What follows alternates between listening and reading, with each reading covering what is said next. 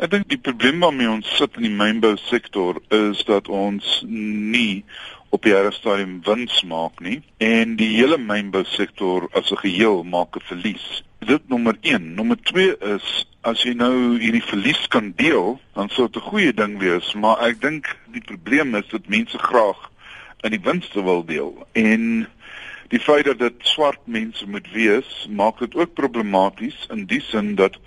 dit benadeel ander mense, insluitende swart mense wat byvoorbeeld pensioenarisse is en ook vir hulle pensioen spaar. Want ons moet onthou as ons nou 25% of 26% van 'n maatskappy weggee of vir 'n mindere prys verkoop moet iemand daai koste dra. En dit is gewoonlik ander aandeelhouers. En daai ander aandeelhouers is ons pensioenfonde en dit sê vir my dit gaan ander mense in Suid-Afrika benadeel die ander ding wat dit vir my sê is dat mense wat baie groter keuses het om waar om te belê, gaan baie baie groter dink en meer breedvoerig dink om dalk elders anders te belê en dit's ook nie wat ons nodig het nie want ons wil hê mense moet in Suid-Afrika belê en maatskappye begin wat vir ons dan kan werk skep. So op die ou einde van die dag vat hierdie 26% reël eintlik van die waarde van die Suid-Afrikaanse ekonomie weg.